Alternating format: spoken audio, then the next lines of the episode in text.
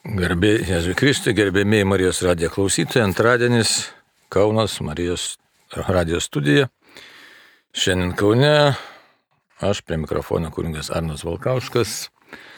Aš prie Dievę, tau garbė ir šlovė dabar ir per amžius te būna visame kame, ar mes valgome, ar geriame, ar šiaip ką daro mano tą paštlo Pauliaus, kad visame kame nuskambėtų tavo garbė ir šlovė. Taigi ir šitą Laiką skirtą laidai Marijos radijoje skiriame pirmiausia tavo garbę ir šlovę, tikėjimo turinio pagilinimui, pažinimui ir kad atrastume savo kelią su tavimi, per tave, tavyje ir turėtume tavyje gyvenimo pilnatvę. Taigi apšvies mūsų protus, širdis, pakelk dvasios žvilgsnį į save, gyvą į Dievą, kad tavyje būtų mūsų džiaugsmas, ramybė ir gyvenimas. To prašome dangiškasis tėvė per Kristų šventojo dvasioje. Amen. Taigi, pakalbėkim šiandien apie žmogaus atsaką Dievui. Matom, kad pasauliu dabar dedas tokių sudėtingų, skausmingų daug dalykų, reiškinių. Na, ne tik, kad karas Ukrainai, kuris mus jau antri metai sukrečia, krečia ir kažkiek ir pripratom, ir apsipratom, ir ir, ir nusivylimai, ir nuliūdimai, ir pabaigos nesimato, net tam tikra įtampa. Na, matom, kas čia dabar, ne, dabar šitas karas jau Izraelyje, kalbam apie pasaulinį karą, ir faktiškai gal net ir vyksta daug kas sako, politologai, dar žemės drebėjimas Afganistane, žodžiu, visokių tokių sukretimų, kurie nesuteikia ramybės. Ir matom visokio taip pat girdim įvairiausių pasvarstymų. Vieni žmonės svarsto grinai žmogiškai, kad štai čia tiesiog susitvarkysim, čia taip toliau. Na, kas giliau žiūri, tai kalba apie dvasinius dalykus, kiti tos dvasinius dalykus kažkaip savaip interpretuoja, taigi kalbam vėl tokie visokiausi, gali būti visokių ir samokslo, ir nesamokslo teorijų, na, bet, bet kokiu atveju pasaulyje yra neramu. Na ir tas neramumas neduoda mums tokios galimybės tiesiog nurimti ir pažvelgti į viską ramiai, su džiaugsmu, su dėkingumu Dievui. Tai ką reikėtų mums padaryti, nežvelgti vis dėlto reikia į Dievą. Dievo kalbėjimas šventajame rašte, mes jeigu skaitysim Seną testamentą, aš jau nekalbu apie naująjį, bet taip pat Senąjį testamentą, tai visur tas akcentuojamas yra santykio, žmogaus ir Dievo santykio svarbumas, svarba. Ir kas yra svarbu labai, kad štai mes matom žmonės dabar šitoj suirutė arba daugelį suiručių, nes ir ekonominiai dalykai čia, ir matom ne tik tai, daug labai godumo yra, tai kas yra godumas, ne, tai noras užsitikrinti gyvenimą, saugumą, gerbuvį, E, būtent savomis pastangomis ir žemiškų dalykų pagalba. Kiek tai tikra ir kiek netikra, tai žmogus kartais praregė, kartais ir visiškai nepraregė, patikė, turėdamas daug turto, kad štai jis yra dievukas ir tokiu būdu dar patenka į didesnę klaidą, į aklygatvį. Na, va, bet bet kokiu atveju mes norim iš tikrųjų tikro gyvenimo, suprantam to ar nesuprantam ir už tai žmogaus laisvė, jinai kviečia mus net ir tokiam specifiniam, sakyčiau, ne tai kad ypatingai sunkiam, bet specifiniam gyvenimo sąlygom, ieškoti tikro kelio. Nesakau tada sunkiam, kodėl, kad štai, kai pasižiūri, štai karas, net ten Afganistane viskas subirėję, tie moliniai nameliai sugriuvę visiškai, tai žmonės tikrai atsiduria baisiai sunkiose situacijose, ne tai kad baisiai sunkiose, bet sakysime tragiškose. Na, o mes tik jaučiam dvasinį svorį kol kas. Na ir Dievas mus te saugo. Dar primenu, kad ir laidos pradžioje ir pabaigoje manau, kad dar paminėsiu vieną labai svarbų dalyką - tai maldos reikšmė ir šventųjų užtarimo reikšmė. Čia viskas susiję su žmogaus atsaku Dievui, nes pažiūrėsim, kad tekizmas ką kalba apie tą žmogaus atsaką matom, kad dar reikia duoti atsaką visą laiką Dievui. Ir esmė ta, kad kažin ar mes žmonės pateikiam Dievui tinkamą atsaką. Ir čia galim plačiai galvoti apie viso pasaulio žmonės, galim galvoti tik tai apie save asmeniškai. Ir linksmo, ko nors tokio optimistiško nepasakysiu, kad štai mes žmonės stengiamės Dievui pateikti tinkamą atsaką. Tai dabar dar toks iš karto, kaip jau sakiau, toks noras pabrėžti vieną dalyką, tai kalbėjom ne kartą tą. Ir dar daug kartų, tikrai daug kartų norėsiu tą ir priminsiu tikrai savo pačiam ir klausytojams ir kuo daugiau norės, kad tai būtų propaguojama ir skelbiama, tai yra tėvo Pijaus žodžiai perteikti ir tiesiog pasakyti Jonui Pauliui II, kol jis dar buvo vyskupas. Ir ką Jonas Paulius II, kaip jis perdavė juos mūsų tautos atstovė Nijolė Sadūnaitė. Primenu, tėvas Pijus, šventasis tėvas Pijus, labai įdomu, ne, tėvas Pijus šventasis. Jonas Paulius II, tik tuo metu dar Karolis Vaityla taip pat paskelbto šventu, tai štai du šventieji.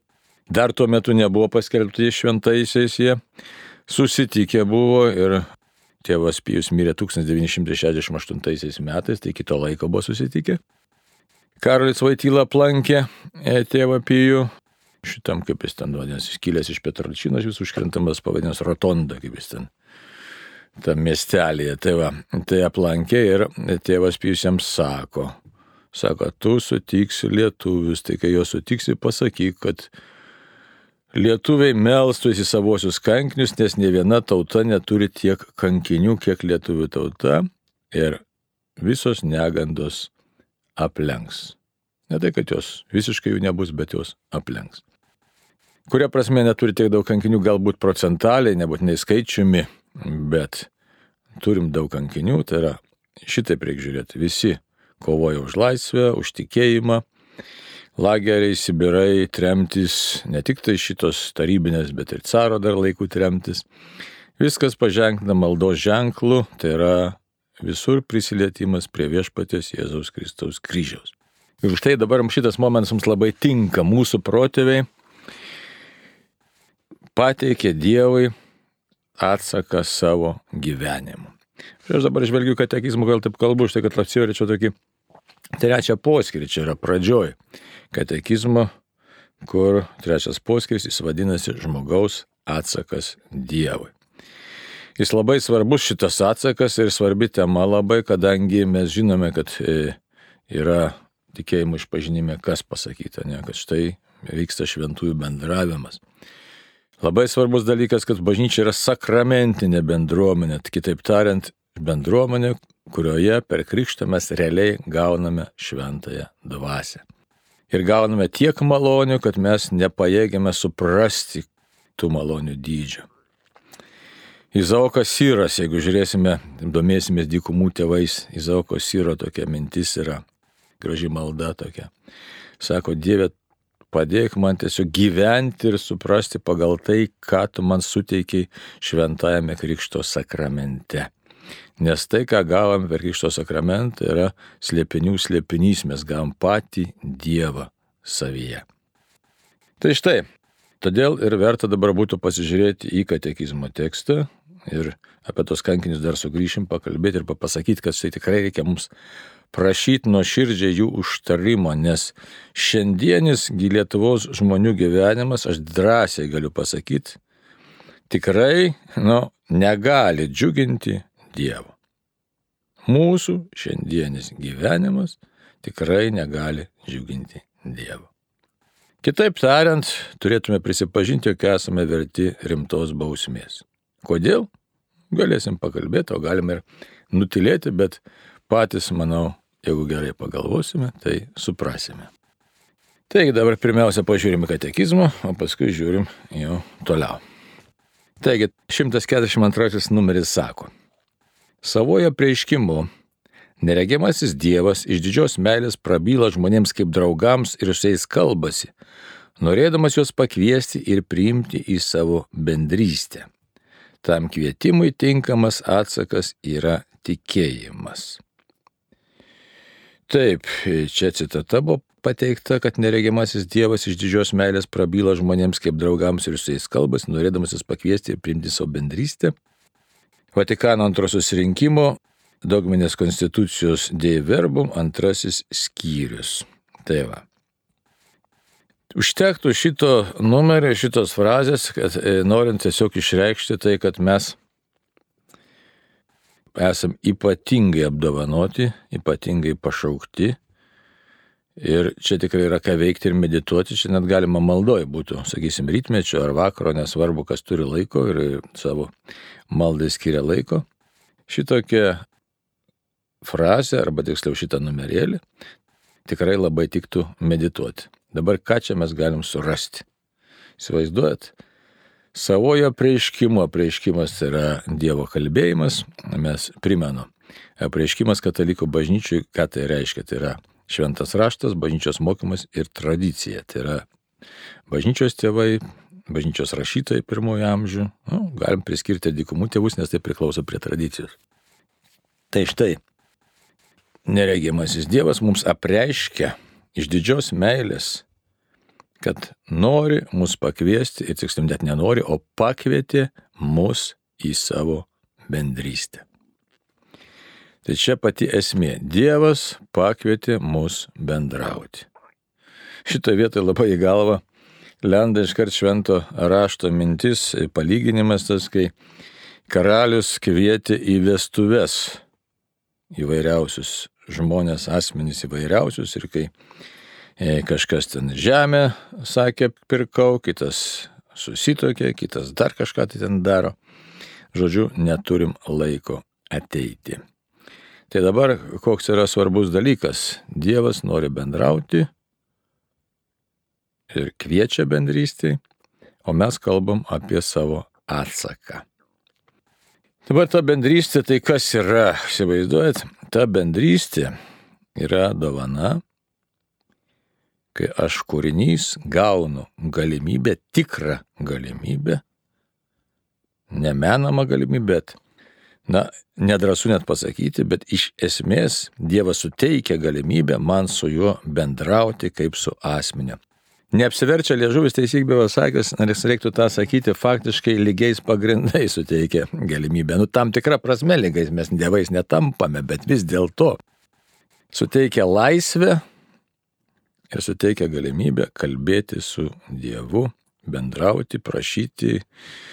Čia yra gilesnis dalykas negu tik bendravimas, yra būties dalinimasis, buvimas būtyje.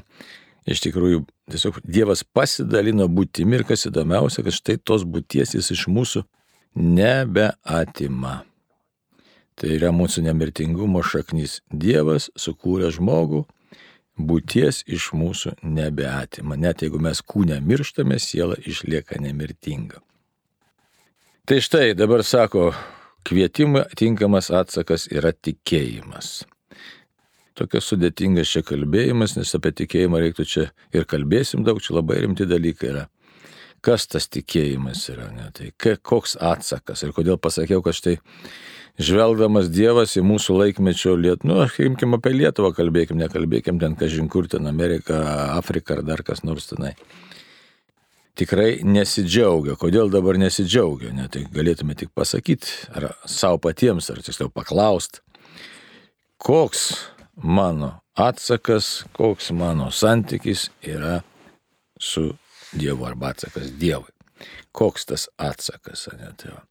Sako, atsakas yra tikėjimas, bet tikėjimas tai nėra šioje vietoje kažkoks primityvus dalykėlis, tai nėra tik pripažinimas Dievo, bet tai yra kur kas gilesnis reiškinys. Tai dabar toliau ir pasižiūrėsime, kas tai yra. 143 numeris kalba šitaip. Tikėjimu žmogus savo protą ir valią visiškai palenkė Dievui. Visa savo esybė žmogus pritarė Dievui apreiškėjui. Šventasis raštas tą žmogaus atsaką apreiškiančiam Dievui vadina tikėjimo klusnumu. Taigi čia taip pat buvo citata iš Vatikano antrojo susirinkimo dogminės konstitucijos Deiverbam penktos skyriaus bei apaštalo Pauliaus laiško romiečiams pirmas skyrius penkta eilutė, tiksliau palyginti galima, ir šešioliktas skyrius dvidešimt šešta eilutė. Dabar, kas labai svarbu tiesiog, reiškia, tikėjimas, ne tikėjimas, tai arba tikėjimo klusnumas. Tai, kaip sako proto ir valios, na, galim sakyti, reiškinys, arba tiksliau tikėjimų žmogus savo protą ir valią visiškai palenkė Dievui. Toks savotiškas santykis, ne, palenkė Dievui. Protą ir valią. Kodėl čia reikia palenkti, ar ten kažkaip kitaip, na, pateikti, apriboti ir dar kažkaip, ta, ne? Dabar, todėl kad, čia labai gilus dalykas, Dievas yra pati būtis, iš kurios mes gauname gyvenimą savo būti. Taip kad čia vėl koks yra mąstymas. Tai būtis yra gėris ar blogis. Kadangi mes visi net ir sunkiausiose aplinkybėse norime gyventi ir net tada, kai gyvenimas tampa tiesiog nepakeliamas, vis dėlto net trokštant, sakysime, išnykti ir palisėti nuo gyvenimo vargų, aš vis tiek žmogus teigia būti. Ir čia šią temą mes galime rasti įvairiausių dalykų, autorių pasaulietinių, sakysim, prisiminiau dabar iš karto Viktorą Franklį, ne, sakysim, savo raštuose, ką jis rašo. Net lageriuose, sunkiausiose situacijose teikti reikia, tiek žmogaus pašaukimas yra teikti, būti, teikti, ne, G, teikti, teigiam būti. Kitaip tariant, prasme yra būti, būti pagal Dievo planą, nes būtis yra iš Dievo, gyvenimas yra iš Dievo. Tai čia šioje vietoje štai valia lenkia žmogaus apsisprendimą, visą laisvę toliau tęsti savo egzistenciją iki tam tikro taško, iki kurio norės nuvesti Dievas. Nelengvas uždavinys. Na, o protas, protas ką dabar sako? Ne, protas sako, štai yra giluminis pažinimas, pažinimas Dievo kurėjo, be kurio iš tikrųjų viskas netenka prasmės arba niekas neturi prasmės. Dar ką šventasis raštas iš tikrųjų kalba apie tikėjimą, galėtume sakyti.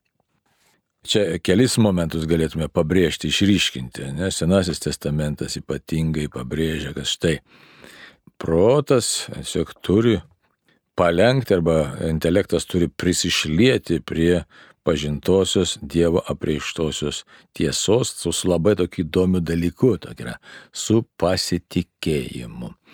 Labai daug to randame to tokio turinio, kuris kalba apie štai, kad Dievas žmogui save parodo ir kviečia pasitikėti. Tai labai daug vietų mes tokių randame, labai toks nelengvos tos vietos Senajame testamente, sakysime, net Mozės asmenyje, žiūrėkit, kaip Dievas prikiša paskui Mozę, kad štai Mozė, e, kai tu išgavai tą vandenį, ne taip, kaip aš norėjau, kai tauta troško, išmirė iš troškulio ten maištavo. Ir Dievas pats sako, neįeis į pažadėtą žemę, nes neparodai mano šlovės. Tai va taip, kad šitas pasitikėjimas labai sunkus dalykas. Ar ten pranašas Izaijas, kas sako, jei netikėsite, pražūsite. Taip kad tikėjimas yra pritarimas Dievo žodžiui, bet jis būtinai turi būti susijęs su pasitikėjimu.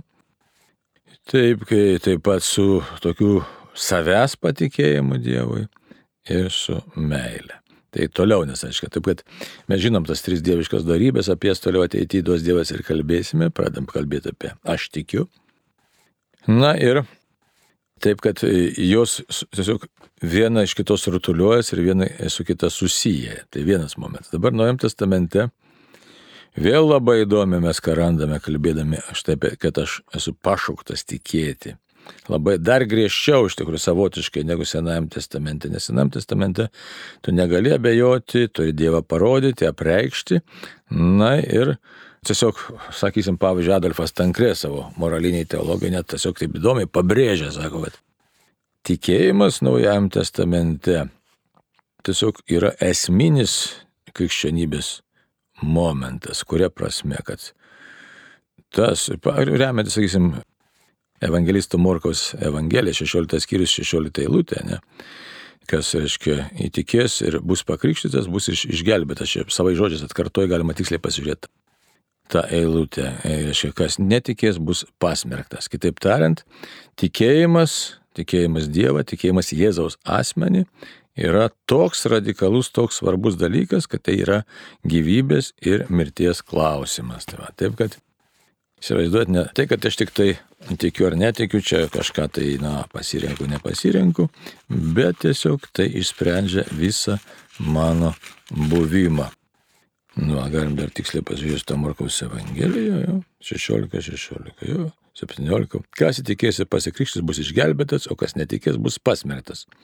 Ir toliau 17 eilutė, kurie įtikės, tos lydės ženklai, mano vardu išvarinės demonus, kalbės naujomis kalbomis, Nu, 18 eilutė, ims plikomis rankomis gyvatės ir išgertų mirštų, nuodų jiems nepakenks, jie dės rankas ant ligonių ir tie pasveiks. Tai čia tolimesni ženklai, bet pirmiausia 16 eilutė, kas įtikės ir pasikrikštis bus išgelbėtas, o kas netikės bus pasmerktas. Taip. Dabar kodėl aš kalbu, kad štai mūsų laikmečio žmonės jie savotiškai, nu mes žmonės liūdinam Dievą. Tai štai, koks yra radikalumas būtent apsisprendžiant, štaip Jėzau, aš tavim tikiu, taip Dieve, aš tavim tikiu. Dabar mes matom, kad mūsų laikysime to radikalumo nebėra ar supratimo nėra, kad koks yra svarbus tikėjimas. Ir e, susiduri su žmonėmis, kurie, sakysim, ir įvairiausių bėdų turi ir prašo kartais maldos, na, kartais mišes užsako ir tikisi, kad štai kažkaip tai čia viskas susitvarkys. Net tikrai susiduri su tokiais atvejais, kad ir ten apsėdimas, tikras apsėdimas, nemenamas. Tačiau, tačiau, kai pasakai žmonėms, kad štai žmonės, jūs turit susidaryti savo normalią tvarką, tiesiog sistemą e, kasdienybėje, surast laiko maldai, asmeniai maldai, surast laiko maldai su šeima, surast laiko sekmadienio šventosiams mišioms. Ir turbūt aštuoni atvejai iš dešimties, kai tie žmonės dinksta ir negirdi.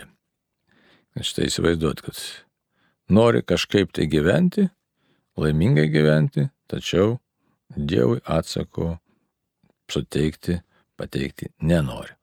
Nėra laiko, žodžiu, tokia saviapgaulė, kažkokia tai migla, kad tas, kuris mums duoda gyvenimą, tas, kuris iš tikrųjų yra pati gyvybė, tampa tarsi esantis net ne antrame, o kažkelintame plane.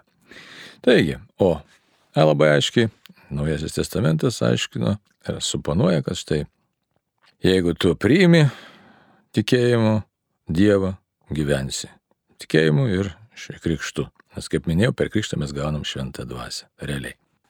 Na, paštas Paulius, aišku, taip pat laiškė romiečiams 10.17, ką sako, štai būtinai turi būti skelbimas ir kas išgirdo, kas tą skelbimą priemė, taigi tas turi gyvenimą.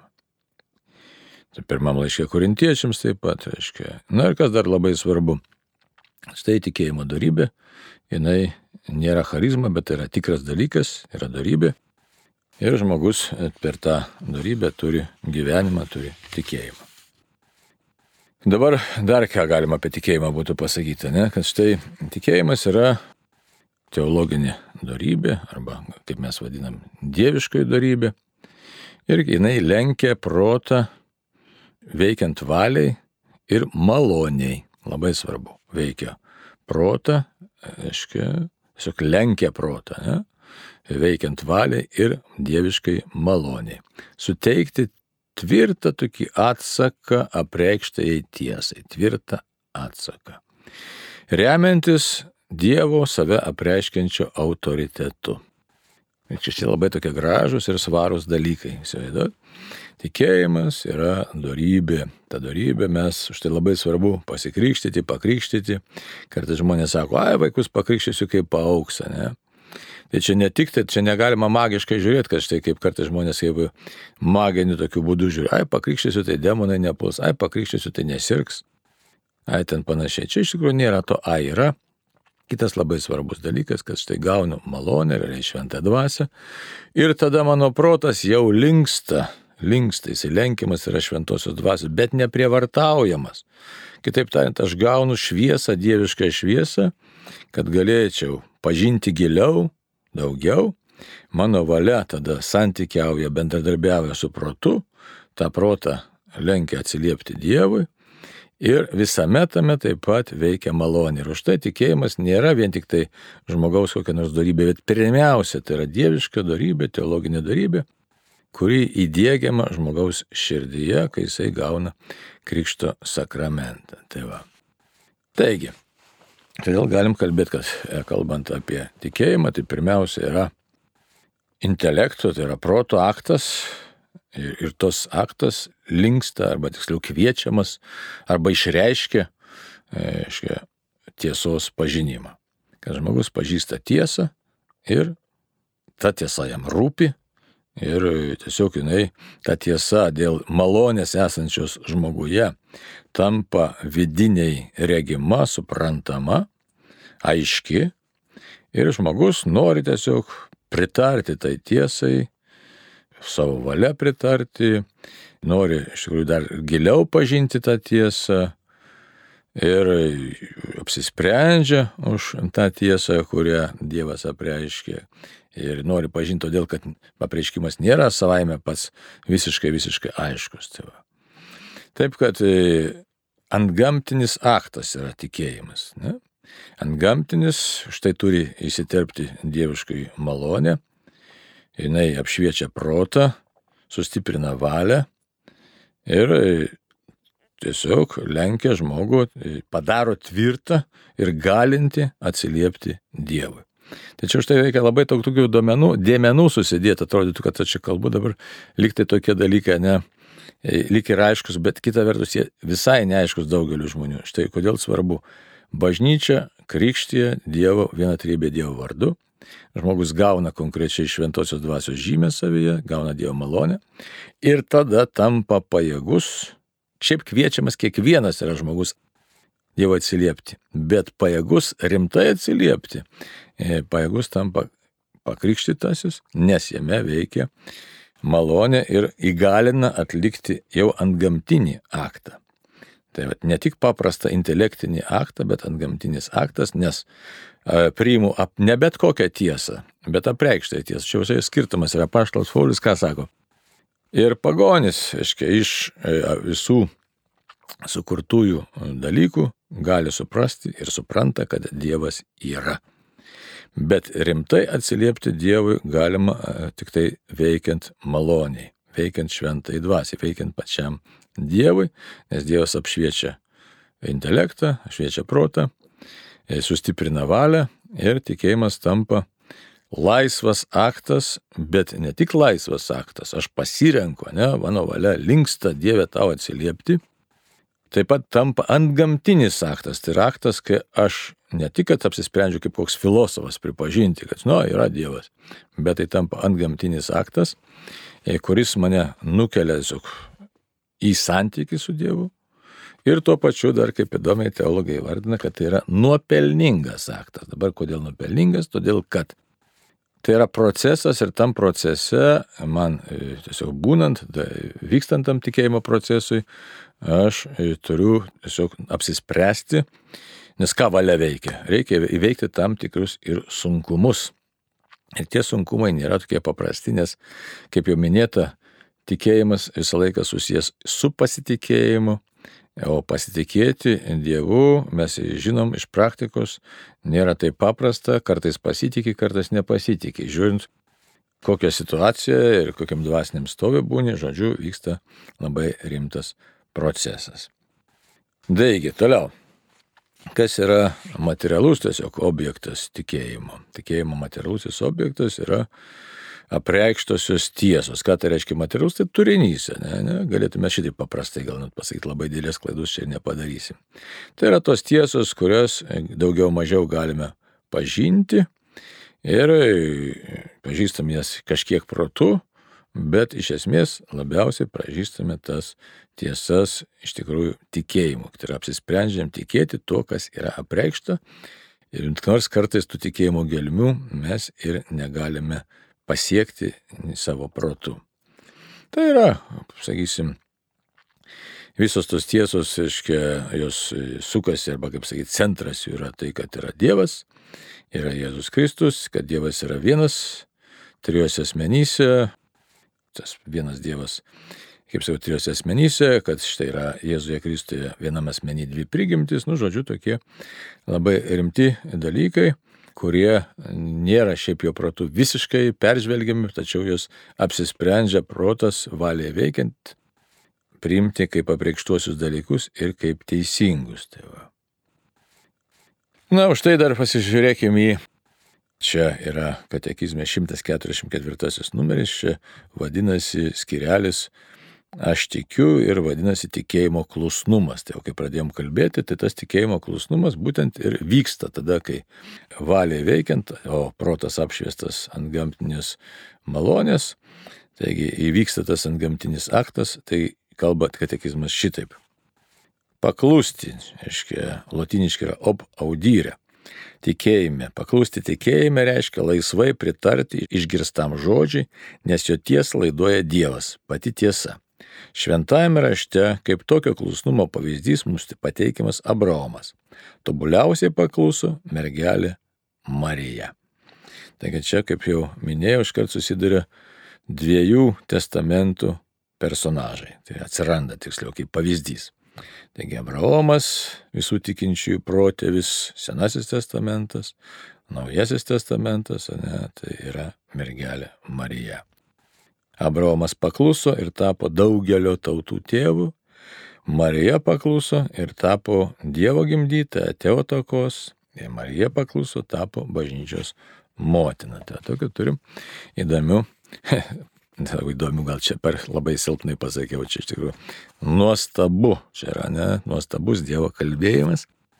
Taigi dabar, kodėl mes, aiškiai, pašaukti tikėti, e, tai tas vadinamas teologijai formalusis objektas yra.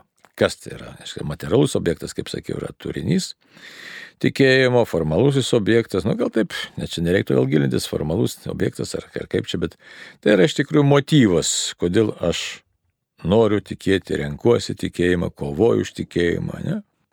Tiesiog, kodėl mano valia linksta tikėti, tai yra dieviškasis autoritetas, kuris pasirodo apreiškime, kuris apreiškia slaptus Dievo vidinius dalykus, kuriuos ką tik paminėjau, kaip vienas trybė Dievas. Ne?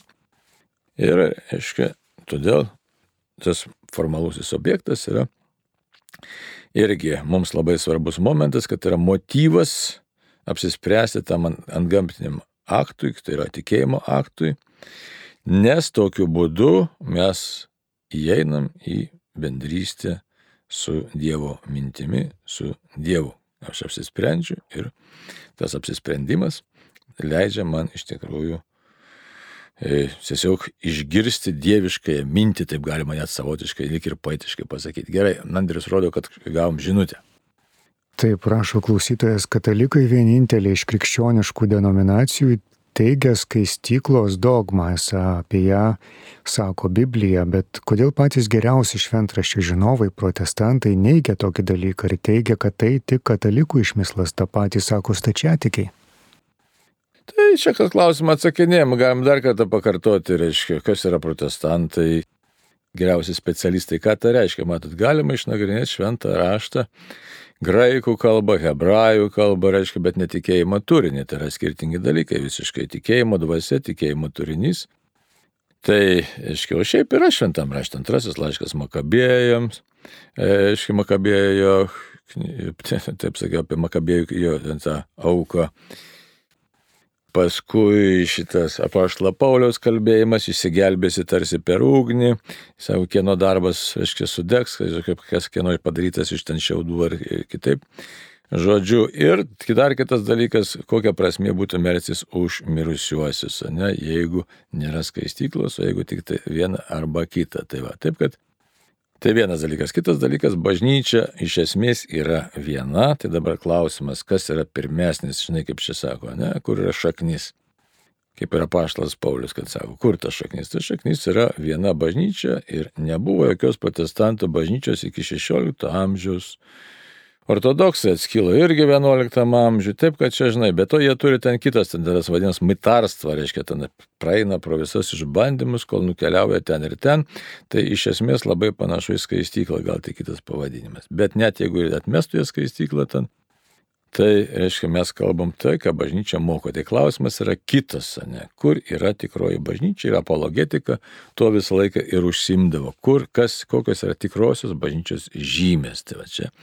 Todėl pasakyti denominacijas, čia visi lygus ir taip toliau, taip kaip savo laiku popiežius Benediktas XVI sakė, tikrasis ekumenizmas yra labai paprastas. Suprasti, kas yra tikroji bažnyčia ir kvietimas visus sugrįžti į tikrąją bažnyčią. Patinka kam tai ar nepatinka, nu čia visko tam. Ne, yra kaip yra. Dar žinutė yra, ne? Taip, dar klausimas iš kelių aspektų, kokie yra skaistus lytiniai santykiai santokoje. Esu santokoje kartai susižaviu kitomis moterimis, puoselėjų netyras mintis su jomis Ar tai tokio pačio ligmens nuodėmė kaip paleistuvavimas? Tai čia keli klausimai, dabar žiūriu, minutės čia liko dvi, tai mes nespėsim atsakyti, bet žinai, čia keli klausimai, reiškia, kai kas paleistuvingai žvelgia į moterį, tas nusideda širdį. Nes mintims taikomi lygiai tie patys kriterijai, kaip ir realiems aktams. Tai jeigu ten žiūri moterį, įsivaizduoja, kad jau čia jie su ja paleistuvavo, tai nusidedi sunkiai, nes materija tai sunkiai yra. Ir viskas, aišku, nebent pažinimo, supratimo nėra, o santokoje skaistumas tai yra kitas dalykas visiškai. Tai yra ir tinkami lytiniai santykiai, ir supratimas santokos tikslo, ir gerbimas vienas kito. Žodžiu, tai nėra, kad nebūtų lytinių santykių. Ne, jie tai yra Dievo santykiai, yra norėti, bet kaip juos juos traktuoju, kaip aš traktuoju save ir kaip traktuoju kitą asmenį. Tai va taip pat čia jau kita šiek tiek teologija. Tai, va. tai tiek, kas liko vieną minutę. Tai, brangiai, dar noriu grįžti tada, kuo pradėjom daug maž, kad štai, tikėti, ir labai verta kalbėti, atsiliepti iš tikrųjų, atsaką pateikti Dievui yra labai rimtas dalykas. Šiandien mes silpnai Lietuvai pateikiam tą atsaką, jau labai silpnai, nes norim kažkokio tai gražaus gyvenimo, bet gyvenimą pagal Dievą dauguma mūsų kažkaip vengia. Todėl laikas susimastyti, žvelgiant į pasaulio kataklizmas, melsis patiems ir prisimnant tėvo Pijaus pranašystę Jonai Poliu II, prašyti Lietuvos kankinių užtarimo. Ir kas kaip moka visomis maldomis, bet prašyti, melstis, kad neišsitiktų mums kas nors blogesnio. Kaip kad pasaulyje vyksta. Taigi tai laimina Dievas, tam kartu tiek. Prie mikrofono aš buvau Karnugas Arnas Valkauskas, laidoje Katalikų bažnyčios katekizmo komentaras. Sudė.